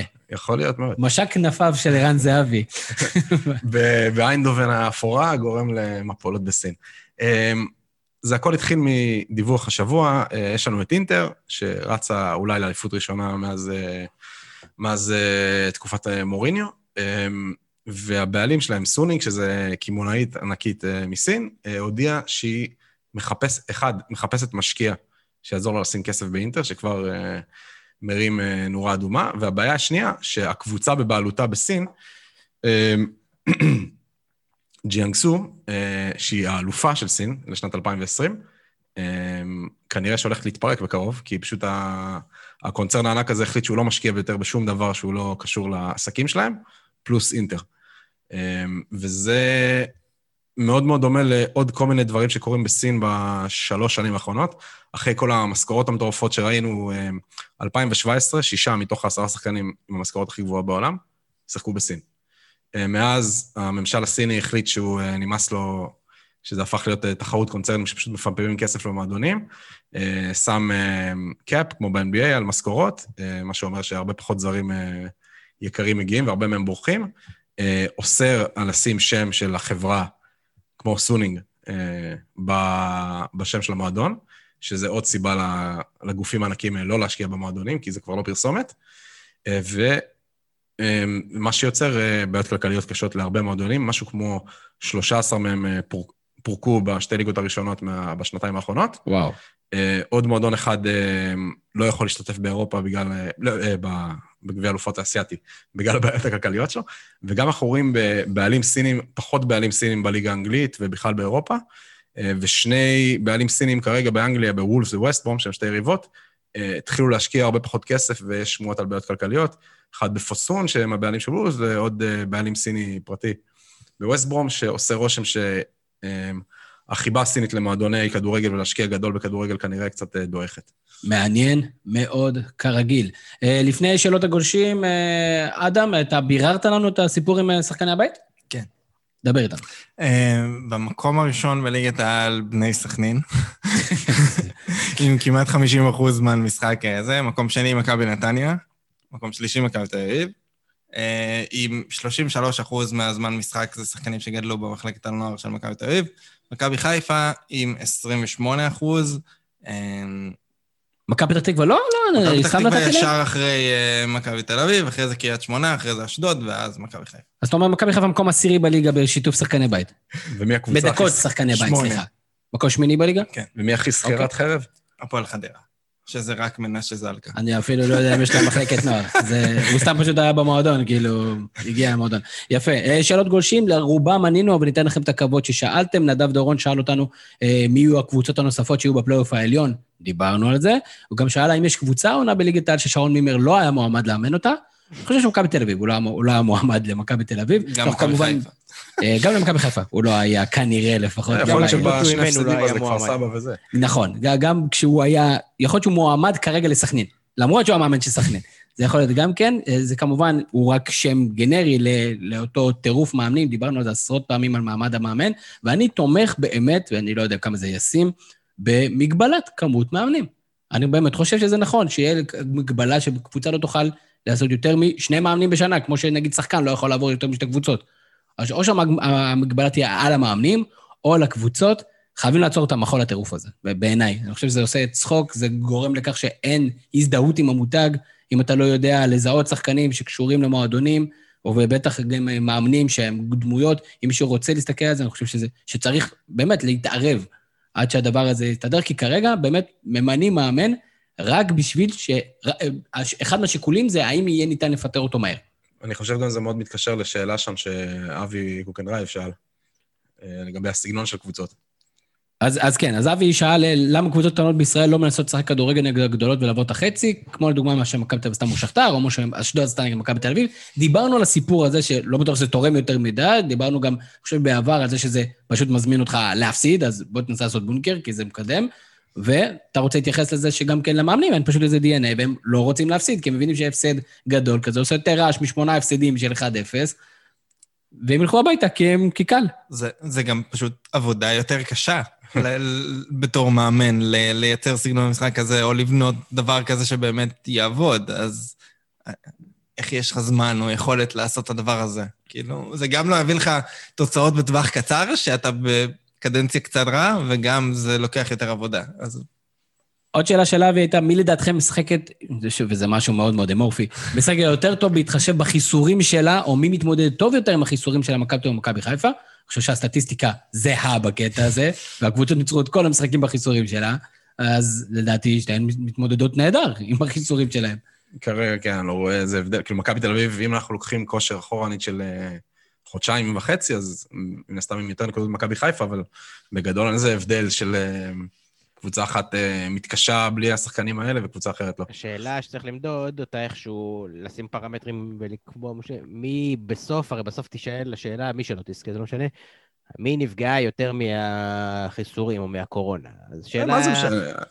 לא, זה לא אני, משנה. אני כאוהד ליברפול, אני רואה, ליברפול הפסידה הכי הרבה ימים ומשחקים בגלל שחקנים פצועים. מה זה משנה בסוף? זה לא משנה, אבל ברור לך שזה יהיה השיח. צריך להבין את גודל הכוכבית. בדיוק, בדיוק. אני מבין, אני מבין, אם אני בתוך מבין עמי נכון אני את חי. השאלה, השאלה, אם אני מבין נכון את השאלה, זה מי כרגע סובל יותר, או מי כרגע מסכן יותר, או למי שיש תירוץ כרגע להתקרבן יותר, וברור שזה מכבי חיפה. אני אני חושב שהוא שאל מי מתמודד יותר טוב עם ה... אז לא. אני עשיתי לו שיפוץ לשאלה. תראה, אני- חושב שבסופו של דבר, באמת, הח- החיסרון של אה, כל השחקנים אה, של פלניץ' נגד אום אל-פחם היה מאוד משמעותי, אבל בסוף דוניו שם, ושם את השער- השני, וזה מתחבר לשאלה של אוראל סימנטוב לגבי כמה החיסרון של רוקאביצ'ה, שהוא מלך שערי הליגה, נותן עונה מדהימה, ותכלס. מישהו. זוכר? מישהו זוכר את זה? כי. דוניו... אגב, דוניו, איפה הוא נמצא בשערים? איפה דוניו נמצא בשערים לדקות? אה, הוא עם 0.7, אם אתה לוקח את אה, מי ששיחק זמן משמעותי בליגה, אז הוא רק מתחת לניקיטה רוקאביצה. אם אתה לוקח גם שחקנים ששיחקו מעט, אז יש לך את חליחל מקריית שמונה שמעליו, ואת גררו, אה, שגם תוריד, עדיין מעליו. לא- שכפר סבא החמיץ את ההחמצה כן. הגדולה בתולדות המשחק. שזה, היה, זה- שזה לא כזה מחמיא, זה פשוט לא מספיק זמן משמעותי בשביל להסתכל על הנתונים. כן, אבל אצל דוניו- אבל אבל- אצל דוניו זה מגמה. זה, זה מגמה, אבל הוא גם לא בכמות דקות ש... בוא נגיד, הוא לא נכנס למינימומים שלי כשאני... ש... אם אני לא צריך לה- מזיז את המינימום למטה עדיין. יש לו עוד כברת דרך בשביל שזה יהיה משמעותי. כן. ו- והוא עדיין פחות מניקיטה, דרך אגב. כן. מבחינת דקות, ל... גולים לדקות. כן, כן, כן. לא, רוקאביצה עם אנומליה, כאילו, לא אנומליה, פשוט אה, משהו שהוא יוצא דופן אה, מאז ערן זהבי. אגב, גם הוא, דיברנו על החוזים, גם הוא יכול אה, לא להיות פה שנה הבאה. כמו כל שנה. אני אופתע אם הוא יהיה. בסדר, הוא זאת בגיל אומרת, אחר, אני חושב. שהוא באיזה סיטואציה שהוא גם משלם מיסים ישראלים, גם כן חוזה מאוד גדול שהוא רוצה, גם יש לו את המספרים to show for, והוא עדיין בן 34-35, עוד מעט. משהו כזה, כן. אבל אה, שוב, זה מאוד בעייתי בתקופת קורונה. אתה יודע, נגיד, היינו- בעונה רגילה, נגיד, היינו אומרים, טוב, הוא, הוא יברח ברגע שהוא יוכל. יש אבל פחות... לא בטוח שיהיה מישהו שיציע אני, אני לא את בטוח שאני הכסף. מבין למה אתם אומרים שכזה טבעי שהוא יברח. הוא בשלב מאוד מאוחר בקריירה, במועדון שטוב לו, שהוא עדיין נלחם על תארים, למה, הוא שחקן מוביל, למה הוא יכול משכורת יותר גבוהה כנראה מהחוזה הנוכחי שלו? לא, אני לא בטוח שהוא לעזוב? יברח כמו שאני לא חושב שהוא יקבל ממכבי חיפה את מה שהוא רוצה. אוקיי. לא, אני אומר שאם במצב רגיל, יש מצב שהוא היה יכול לקבל את מה שהוא רוצה בחוץ איפשהו, באיזה ליגה אולי... טובה. כן, משהו, משהו בסגנון, וכרגע אין את האופציות האלה, אז אה, אולי הוא גם מתפשר על העניין הזה. דרך אגב, שנייה לפני שאנחנו מסיימים את הסיפור הזה, אני ראיתי שהמשחק האחרון במכבי חיפה, אה, שרי היה הקפטן. מה, אתה שמת לב? לזה, ברק? כן. מה אתה חושב אה, על זה? הוא- כל ה- כל הקפטן 1, 2, 3, חזיזה, סן מנחם ולוי לוי היו בחוץ, אז למי מי תיתן? למה לא נגד עופרי ארד. ארד? שאלה טובה, לא יודע. אולי בגלל התספורת לדעתי המוזרה שלו. הקפטן ב' של הקבוצה, לא? זה מוזר. יכול להיות שברק בכר משהו כותב שלושה קפטנים על הלוח, ומי שמרגיש הוא הכי... בחילוף. כמו הפנדלים, הוא נתן להם להסתדר לבד, בדיוק. בדיוק, וזה היה לאנלוגיה לפנדלים, בדיוק. כן, כן, אה, טוב, חיים קויסוס אה, שאל את השאלה שהיינו מצפים ממנו לשאול, אה, מה הסיפור של בני סכנין, האם יש ממש בטענותיה לאפליה, אה, או שזה רק אשליית הדובר המוצלח שלהם? אני חושב שדיברנו על זה בזמנו, שכן, לדעתנו, כשהייתה שם התפרצות, אולי סגרו אותם מאוחר מדי, אבל היה נראה כאילו הם מנסים קצת להידבק, או כאילו, השתמשו כאילו בזה יותר מדי כ... כקלף, אני אני לא מספיק בקיא כדי... אני אני. חושב שהם היו קורבן ל- ל- לחוסר ידע בהתחלה, ממש, ההתפרצות הראשונה של לדעת איך להתנהל ומה הקריטריונים, והאם יש קריטריונים, והאם הקבוצה לא יודעת מה הקריטריון, והמנהלת לא יודעת מה הקריטריון, ואז בסוף אומרים לך, תשחק כשאתה חושב שאתה לא, אז זה היה איזה מקרה מוזר כזה, מעבר לזה. נהדר. שהתעסקו בכמה מאמנים מאמנים אותם בעונה, ואיך הם עוזרים למועדון שלהם להישאר בליגה. טל בר יוסף ביקש שתפסיק לנכס את אתלטיקו מדריד, אז לא דיברנו על אתלטיקו מדריד. האלופה הוודאית בספרד, אה, ואנחנו כבר רצים למשחקים שאנחנו אני רק. אגיד לו שזה אפילו הרבה יותר גרוע, כל פעם שאני מקבל התראות על זה שריאל מדריד אה, בדרך להפסד או תיקו או משהו כזה, אני פותח מה בטלוויזיה, ואז הם מנצחים. אז אה, אני לא, אני צריך להפסיק להתעסק עם זה. אתה צריך להפסיק להתעסק, יש לך קבוצה טובה, ובאמת כל הכבוד על האליפות. אה, מהמשחקים, אה, מחר ומחרתיים, משחקי ליגת העל שנותרו מהמחזור ה-23. שוב, מחזור קריטי, ארבעה מחזורים לקראת הפלייאוף העליון, אה, המיקומים שם יהיו קריטיים, ואנחנו רצים, בואו נראה מה אתם חושבים, ואודי הבטיח שבפעם הבאה הוא באמת יביא לנו את הטבלה, הו-הו הטבלה. אז אה, מחר, יום ראשון, עשרה לשמונה, מאבק ישיר על הפלייאוף העליון, מכבי פתח תקווה נגד מכבי נתניה, אודי רות. מכבי פתח תקווה. מכבי פתח תקווה. מכבי פתח תקווה, אה, מכבי פתח תקווה, נו. יפה. עירוני קריית שמונה נגד הפועל באר שבע, מחר בשעה שמונה. גם כן, מאבק על הפלייאוף העליון. לגמרי. אמ, באר שבע. באר שבע. באר שבע. מה קורה? קש. או. אה, אין שחקנים לבאר שבע, הם משחקים עם אה, שוער פלוס... אה, בקריית קריית שמונה, שמונה. בקריית שמונה כבר איזה 30 משחקים בשלושה השבועות האחרונים. זה, הם כאילו באירופה, ושוער שחטף. ויש להם. גם נסיעות. אתה יודע, זה לא כן. כמו... ושוער שלא סגור על... מחר, בערב, הפועל תל אביב נגד מכבי חיפה, רבע לתשע. תיקו. אה, מכבי חיפה. מכבי חיפה. מכבי חיפה. תבדקו את כל הפעמים שהוא ניסה לנכס אותנו והוא לא הצליח, זה סיסטמטי. אה, עוד מעט אתה תראה למה, אני- מהמר, אני כבר אומר לכם, אני מהמר ששתי הקבוצות הגדולות אה, יאבדו נקודות במחזור אמצע השבוע הזה. בלי ספוילר אלרט, מה זה? טוב, כן. אה, כן, אני נותן לך כבר, אני מגיע עם, הסוואג. אה, יום חמישי, סמך אשדוד תנסה להתאושש מהתקופה של נגד הפועל כפר סבא, משחק כמובן בשעה נהדרת, שבע שבע. בערב. אה, אשדוד. איקס. אשדוד.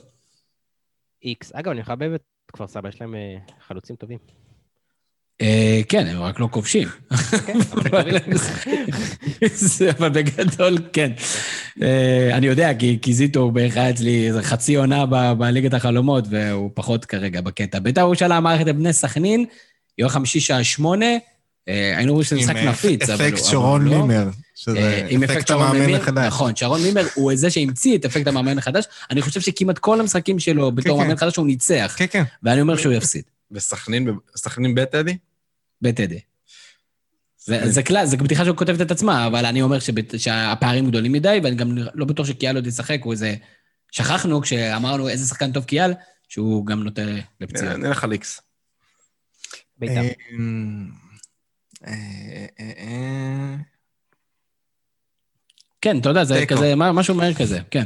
אז יש לנו שתי, שני בית"ר, שני תיקו. והפועל חיפה, מכבי תל אביב, בסמי עופר, רבע לתשע, ואני אומר, הייתי אומר תיקו ומטה, אבל אני אומר תיקו. מכבי תל אביב. מכבי תל אביב, שתיים פלוס. איקס, רק wishful thinking. יפה מאוד. אה, פרק קצר, ממוקד, כמו שאנחנו אוהבים. אה, לא, לא, לא מרחיבים יותר מדי על נושאים, אבל וואלה, היה כרגיל מרתק וכיף. אה, אודי ריבן, מה נאחל לך? שליברפול צריך לחזור לטופ 4. אני, אני אוהב שהאיחולים שלך זה כאילו, זה, זה ליברפול, זה כאילו, זה לא חיפה. מכבי חיפה דיברנו מספיק היום. זה נכון. אדם, אליפות- אה, בכיס אצל חיפה. בדיוק. אדם, אה, הפועל פתח תקווה שלך, גם, גם השבוע הם תיקו, וזה לא נראה טוב. לא נראה טוב. אה, כרגע נראה בדרך די בטוחה לליגה א'. בסדר, אתה יודע, זה, זה נחמד, כי זה עולה פחות כניסה, כסף כניסה. ברק קורן, כרגיל, תודה רבה, כל הארגון, סדר, אה, טכנולוגיה וטכניקה. אה, לא רוצה לאחל לך, לא רוצה, אבל אני שמח אבל לשמחתך. אני- אני אותו דבר מעכשיו עד- עד כמה חודשים קדימה, להתחמק מבידוד עוד שבוע. זו המטרה שלי. או, נכון. לא, אבל מה זאת אומרת? למה אתה צריך בבידוד? גנים אה, וזה, לא... בגלל הילדים. בידוד מניעתי. הבנתי. כן, כי אם הילד בבידוד, אז אתה גם חייב להיות בבידוד איתו, ואז תו ירוק אה, לא כזה זו. נכון. אה, טוב, אני הייתי תמיר זוארץ, שלכם, המשך ערב. נהדר. יש לי פודקאסט, מה זה פודקאסט? זה כמו חדשות. יש לי פודקאסט, מה זה פודקאסט? זה כמו חדשות.